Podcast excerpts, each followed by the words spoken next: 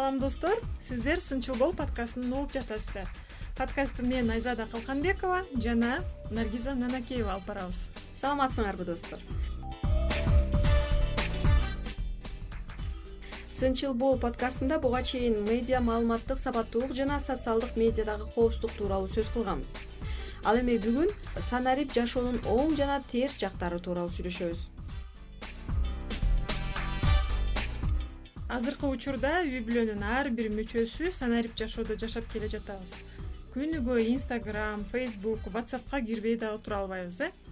Ошол эле учурда балдарыбыз дагы интернетте жашоого сүңгүп кетишти. Алардын интернетте эмне менен элек болуп жаткандыгын дагы көзөмөлдөө маселеси ата энелер үчүн алдыга чыгып жатат э ооба туура айтасың айзада биз эми мисалы э, үйдө деле ашканада отуруп алып ата энелер мисалы аялдар тамак жасап атса дагы интернеттен интернетте инстаграм whatsapp телеграмдарда олтуруп жатпайбызбы? Анан ушул эле учурда биздин балдарыбыз дагы телефондорго кирип кетишет.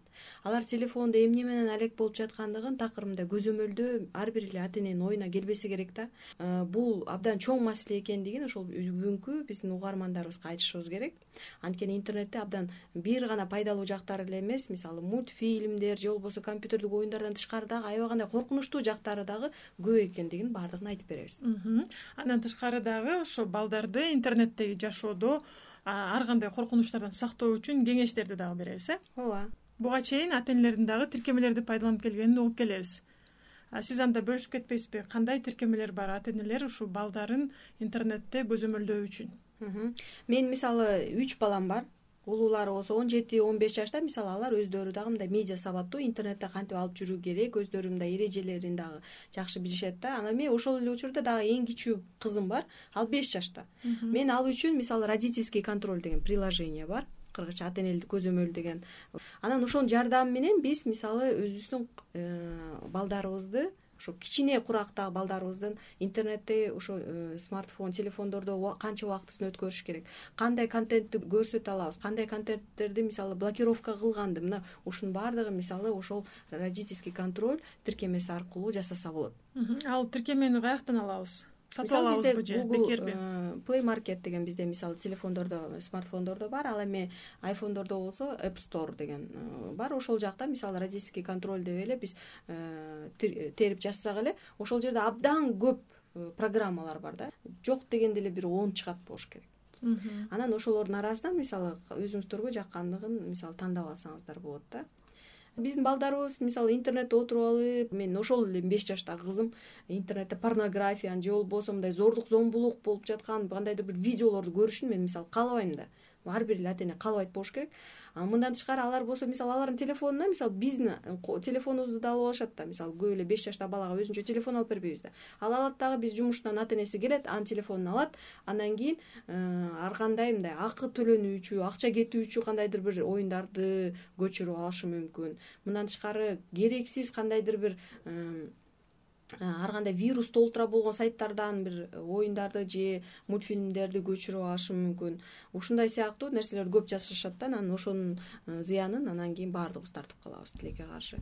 Google play markettен мисалы биз кандай Э, тиркемелерди көчүрүп алсак болот. Абдан көп да мисалы youtube деле ошол эле мисалы көбүнчө биз ютубта отурабыз э балдар youtube kids youtube балдар үчүн деген дагы э, тиркеме бар. Эң негизги менин оюмча бул эң негизги болуш керек. Анткени ютубтагы ошо өзү youtube э, сервери ошо балдардын үчүн дагы мындай камкордук көрөт да видеону жүктөп жатканда балдар үчүн же балдар үчүн эмес деп дагы видеону жүктөө мындай мүмкүнчүлүгү бар да. Мисалы видеону жүктөгөндөр жакшы билишет болуш керек. Анан ошо youtube kids youtube балдар үчүн ошондо мисалы ошо бир гана балдарга ылайык гана видеолорду көрсөтүүгө мүмкүнчүлүгүн берет. Аны жүктөп алыш керек э? Аны дагы аны дагы ошол эле google play market э, айфондордо болсо app store аркылуу мисалы көчүрүп алсак болот.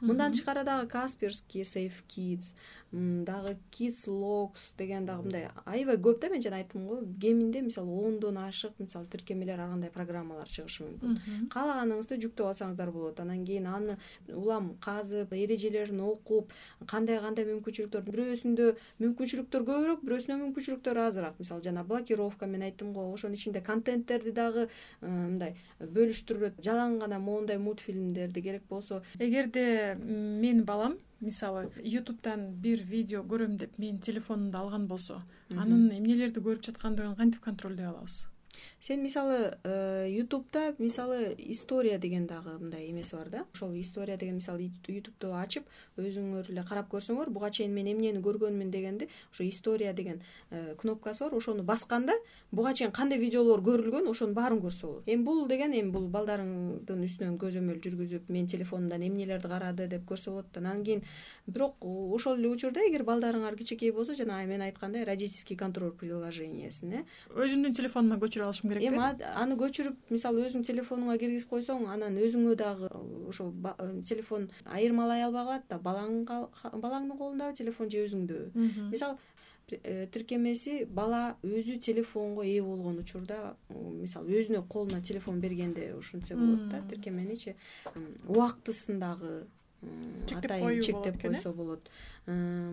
Кайсы кандай тиркемелерди кандай компьютердик оюндарды же кандай видеолорду кандай сайттарды дагы мындай э, керексиздердин дагы мындай тандап тандап алса болот.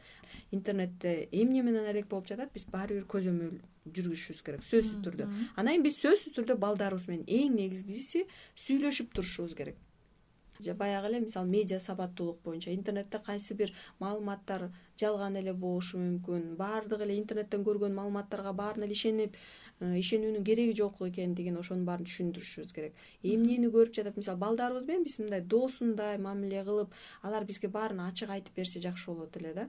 Бирок тилекке каршы азыр ата энелердин көпчүлүгү бала телефон сураса берип коет э? Көп убакытка чейин эле балдар ушул телефондо каалаган нерсесин кылып каалаган контентти көрүп отурушпайбы эң оңой жолу дагы берип коебуз телефонду. Ал болсо телефондон эмне кылып жатат аны такыр көзөмөлдөбөйбүз бирок ошол эле учурда пайдалуу жактары дагы бар да э? Ошол жөнүндө айтып кетели да? Компьютердик оюндарды ойногондо эмнеге үйрөнүшөт балдар? Бул э, балдардын мисалы виртуалдык жашоосу бул компьютер оюндарына абдан сүңгүп кирип кетишет. Түрлөрү биринчиден абдан көп. Кандай бир стратегиялык ойлонуу аң сезимдерин дагы өнүктүрөт да. Бул жагынан деле коркпошубуз керек мындан тышкары кандайдыр бир оюндарды ойноп жатканда аларда идеялары жаралып мисалы мээси дагы уктабайт да ушул эле учурда бирок зыян жактарын деле аны айтпай койсом деле баары билет болуш керек көздөр чарчайт.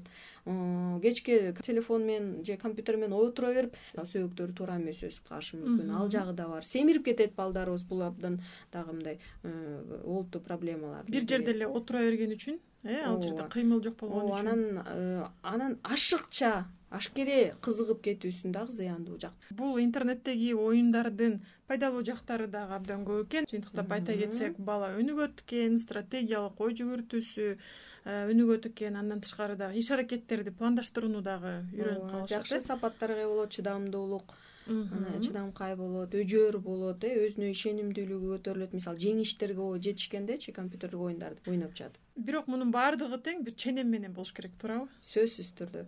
Ушунун баарын чектеп жанагы башында айтып кеткендей ата энелик көзөмөл абдан зарыл. Анан мындан тышкары жана интернет э, виртуалдык жашоосунда интернет менен бири бири менен сүйлөшүшөт адамдар э. Мисалы э, кыргызстандан эмес башка чет өлкөлүк жарандар менен интернет аркылуу сүйлөшүп досторду тапса болот. Бул мисалы интернетте абдан э, мүмкүнчүлүктөрдүн мындай эбегейсиз чоң экендигинин дагы бир көрүнүшү да. Сиз азыр интернет баарлашуу жөнүндө сөз кылып жатасыз э? Интернет баарлашуунун бирок терс жактары деле көп болуп атпайбы ооба тилекке каршы интернет баарлашууда бирок экинчи ар жактагы адамдын кандай экендигин билүү дагы кыйын да. Мисалы көпчүлүк учурда мисалы педофилдерге маньяктардын да курмандыктары э, болгон учурлар болгон. Интернет аркылуу сүйлөшө берип э, мисалы жаш кыз өзү курактуу эле бир бала менен сүйлөшүп жатам деп керек болсо ошол эле учурда өзүнүн сүйүү сезимдери да койгонуп тезирээк жолуксак экен деп анан кийин жыйынтыгында жигит чакырат кызды. Бир жерге могул жерге мисалы мерчемдеп туруп мына могул жерге моунча саатта жолугабыз экөөбүз дейт да анан кыз барганда ал жакта мисалы улгайган коркунучтуу мисалы жанагы маньяк же педофил болуп калып анан торго түшүп мындай э, курмандык болуп калган учурлар да тилекке каршы ушул жакында эле болуп өткөн кайгылуу окуя айзаданын окуясын дагы ушуну менен байланыштырсак болобу ооба сөзсүз түрдө айзада дагы бул айкын мындай э, мисалдардын бири. Тилекке каршы айзада дагы телефон аркылуу ошо интернет аркылуу таанышып өзүнүн коркунучтуу мындай трагедиялуу окуя болуп кетти. Э, ошол апасы интервьюда айтып жатат ошо интернет аркылуу таанышкан болчу экөө тилекке каршы анан замирбек аны кармап кетип уурдап анан андан ары э, өлтүрүп койду. Демек кыздардын дагы ушул интернеттен башка балдар менен таанышуусу дагы абдан кооптуу алардын ден соолугуна алардын өмүрүнө дагы коркунуч келтирерин дагы бир жолу баса белгилеп айтып кетишибиз керек экен. Ооба. Бул ошо интернеттеги баягы жана башында айтып кеткендей биз ар бир подкастыбызда көп жолу кайталап жатпайбызбы. Интернетте биздин өзүбүздүн элементардуу түрдүү интернет коопсуздугубузду эрежелерин баардыгын аткарышыбыз керек да. Биз сөзсүз түрдө ошо интернет аркылуу таанышкан адамдар менен жолугуудан кооптонушубуз керек. Ата энелерибизге биз баардыгын айтып берип турушубуз керек. Биз балдарыбызды досундай мамиле кылып биз балдарыбыз бизге баардыгын ачык айтып бергенге чакырышыбыз керек. Ошол аракетке жеткенден кийин анан балдарыбыз баарын бизге ачык айтып берип турса бул абдан жакшы нерсе да.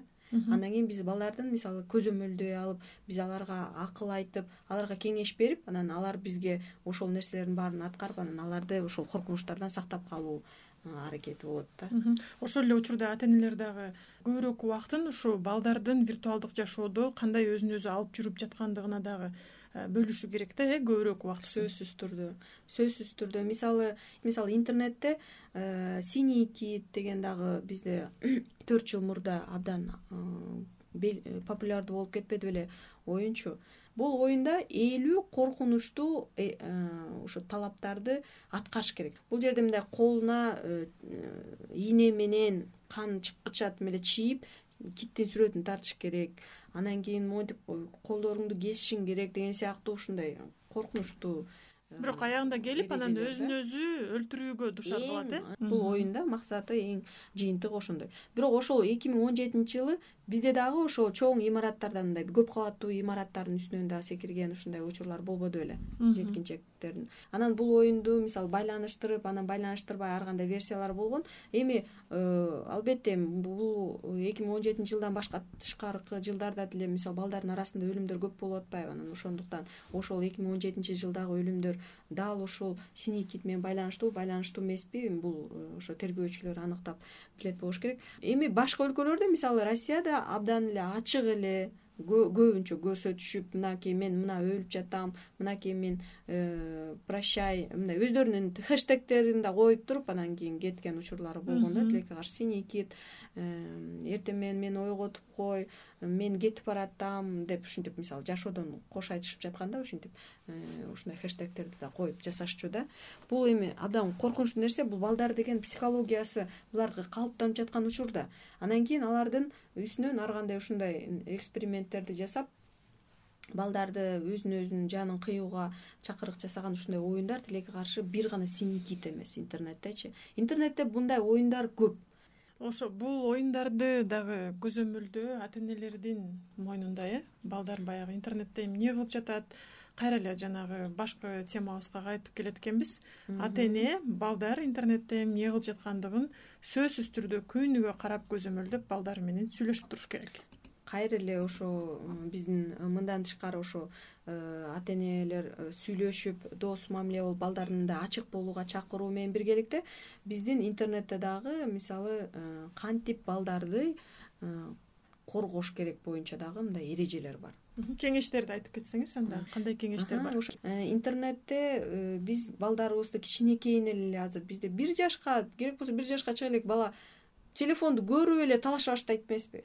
Биздин ар ким мисалы керек болсо баса элек баласына дагы телефонду карматып коет баса элек баласы дагы телефондо карап телефондо мисалы контентти башкарууну дагы мынтип колдорун жылдырып жылдырып кадимкидей көрүшөт.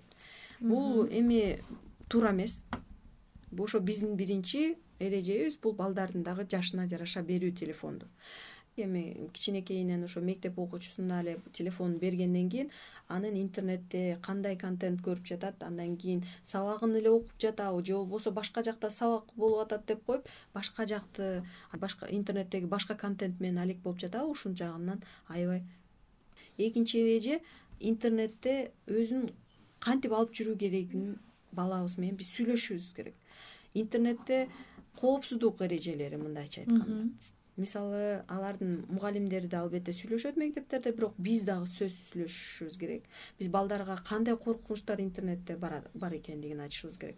Э, биздин колдон келсе э, компьютер же болбосо телефон кармап отурганда дагы анын жанында отурушубуз керек. Биз дагы көрүп турушубуз керек кандай контентти көрүп жатат. Э, түшүндүрүп керек болсо кандай контенттер бар экенин биз дагы эмне кайсы зыян кайсы зыян эмес керек болсо өзүбүз дагы көрсөтүп аларга менен бөлүшсөк дагы эң жакшы да. Үчүнчүсү мисалы биз э, жанагы айтып кеткендей ата энелик көзөмөл тиркемелери э родительский контроль приложениялери ошол программалар мындан тышкары дагы мен айтпадымбы google play markettен же болбосо app storeдон караганда эле кеминде бир он чакты чыгат да. Ар кандай тиркемелер. Каалаганыңызды өзүңүзгө жакканыңызды тандап алсаңыздар болот. Балдардын анан социалдык түйүндөрдө whatsappтарда мессенджерлерде дагы алардын кимдер менен сүйлөшүп жатат. Ошонун баардыгын биз дагы көрүшүп турганга аракет кылышыбыз керек.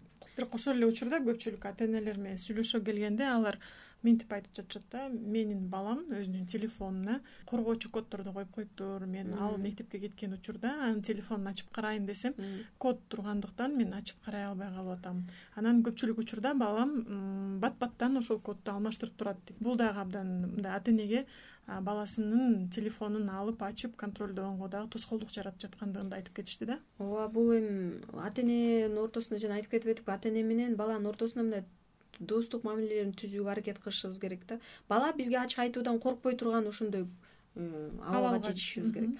Бала демек эгерде коддорду коюп э, жатса демек жашыра турган нерселер бар. Демек бала кандайдыр бир контенттерди көрүп жатат зыяндуу сиз мисалы уруксат бербей турган ошон үчүн сөзсүз түрдө балаңыз менен сүйлөшкөнгө аракет кылыңыз. Башка жол жок.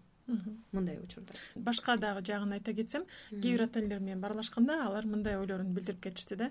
Менин балам ошо ютубтан ар кандай видеолорду көрүп э, орусча англисче тилиндеги видеолорду көрөт мультфильмдерди көрөт анан анын тил үйрөнүүсү үчүн абдан пайдалуу болуп жатат. Мейли көрө берсин мен көп убакытка чейин деле уруксат берип коюп атам. Анткени ал ушу орусча сөздөрдү үйрөнүп англисче сөздөрдү үйрөнүп азыр кенен чет тилдерде сүйлөп калды деген да ата энелер жок эмес да. Эми бул ата энелерге мисалы эми эң сонунда бул ата энелер үчүн биз дагы кубанышыбыз керек. Анткени анын баласы демек интернетте бир гана пайдалуу жактарын гана алат да интернетте. Бирок баардык балдар эле ушундай эмес да тилекке каршы анан жана бешинчи дагы эреже бешинчи кеңеш. Биз балдарыбыз менен сүйлөшүп кандай музыкаларды кандай фильмдер кандай роликтер кандай компьютердик оюндарды ойношуш керек экенин дагы баардыгын чогуу сүйлөшүп туруш керек. Интернетте социалдык тармактарда кантип катталуу керек? Ошол ошону мисалы бизден биринчи билсе жакшы болот да.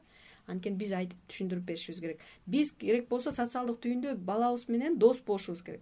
Анткени биз алар менен дос болсок алардын досторун да көрүп турабыз да досторун да көрүп турабыз. Алар социалдык түйүндөрдө канча жолу кирип чыгып атат канча убактысын коротуп жатат. Ошол жагын дагы көзөмөлдөө жагын балдардын психологиясын изилдөөчү эмма кенни деген эксперт ушу үй бүлөлөрдү изилдеп чыккан экен да.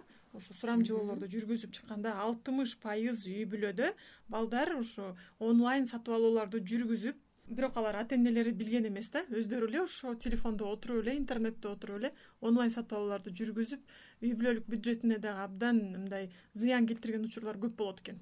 Негизи андай учур менде менде да болгон. Мисалы мен интернетте сатып алуу ошо жана экспресс деп баары эле билсе керек ошо экспрессте мисалы балдарым үчүн мен кандайдыр бир нерселерди сатып алып турчумун.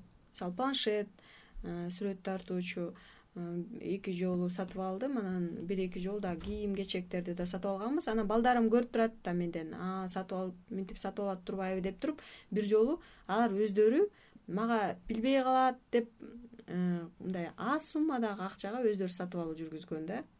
Анан албетте сөзсүз түрдө мен билип калгам ал жөнүндө анткени банк карточканын колдонулгандыгы тууралуу мисалы маалымат келип турат да. Ошентип сүйлөшүп анан балдарыбыз менен анан ачык сүйлөшүүгө анан туура келген да. Анан ошондон кийин андай учур э, кайталанган жок. Анткени бул жерде ошо биз өзүбүздүн балдарыбызга анын э, зыяндуу жактарын айтып мындай жөнөкөй тил менен айтып беришибиз керек да. Биз балдарыбыз менен жакын мамиледе болгонго аракет кылышыбыз керек эң негизгиси бул ушу бала менен ата эне өздөрүнүн онлайн тажрыйбасы жөнүндө күнүгө сүйлөшүп турушу керек экен э? Ооба. Керек болсо ушу уктаардын алдында баласынан сураш керек экен ата эне бүгүнкү күнүң кандай өттү деп. Ал өзүнүн мектепте болгон окуяларын айтып бергенден кийин ал интернетте болгон окуяларын дагы айтып бергенге жол ачып бериш керек экен ата эне дагы мына ошол учурда ата эне менен баланын ортосунда баарлашуу жаралып жана ал ата энеден дагы коркуу сезими жок болот экен дагы анан интернеттин пайдалуу жана зыяндуу жактарын билип алат экен. Мисалы баланы эле сурап бербей мисалы өзүңүз сөз башташыңыз керек да. Менин күнүм моундай өттү бүгүн деп абдан мындай кызыктырып сүйлөп алып туруп а сен сен эмне кылдың деп ушинтип сурашыбыз керек да. Мисалы балдарыбыз менен биз дос мамиледе ата эне катары эмес. Досундагы досундай мамиле кылсак мисалы анан биз менен ачык болгонго аракет кылат ал дагы биз аны менен мындай тең э, болуп туруп анан сурашыбыз керек да урматтуу угармандар сынчыл бол подкастынын үчүнчү чыгарылышынын соңуна келип калдык. Алдыда дагы кызыктуу чыгарылыштар күтүп турат. Бүгүн болсо биз ата энелер тарабынан көзөмөлдөө виртуалдык жашоонун жакшы жана жаман жактары интернеттеги таанышуулар баарлашуулар эмнеге алып келиши мүмкүн жана интернет оюндар тууралуу сөз кылдык сынчыл бол подкасты кыргызстандагы фридрих эберт атындагы фондунун колдоосу менен даярдалып жатат. Мазмуну фонддун көз карашын чагылдырбайт. Сынчыл бол подкастын google жана apple подкаст тиркемесинен сынчыл бол деп издеп тапсаңыз болот. Андан тышкары кыргыз медиа kg сайтынан да угууга мүмкүнчүлүк бар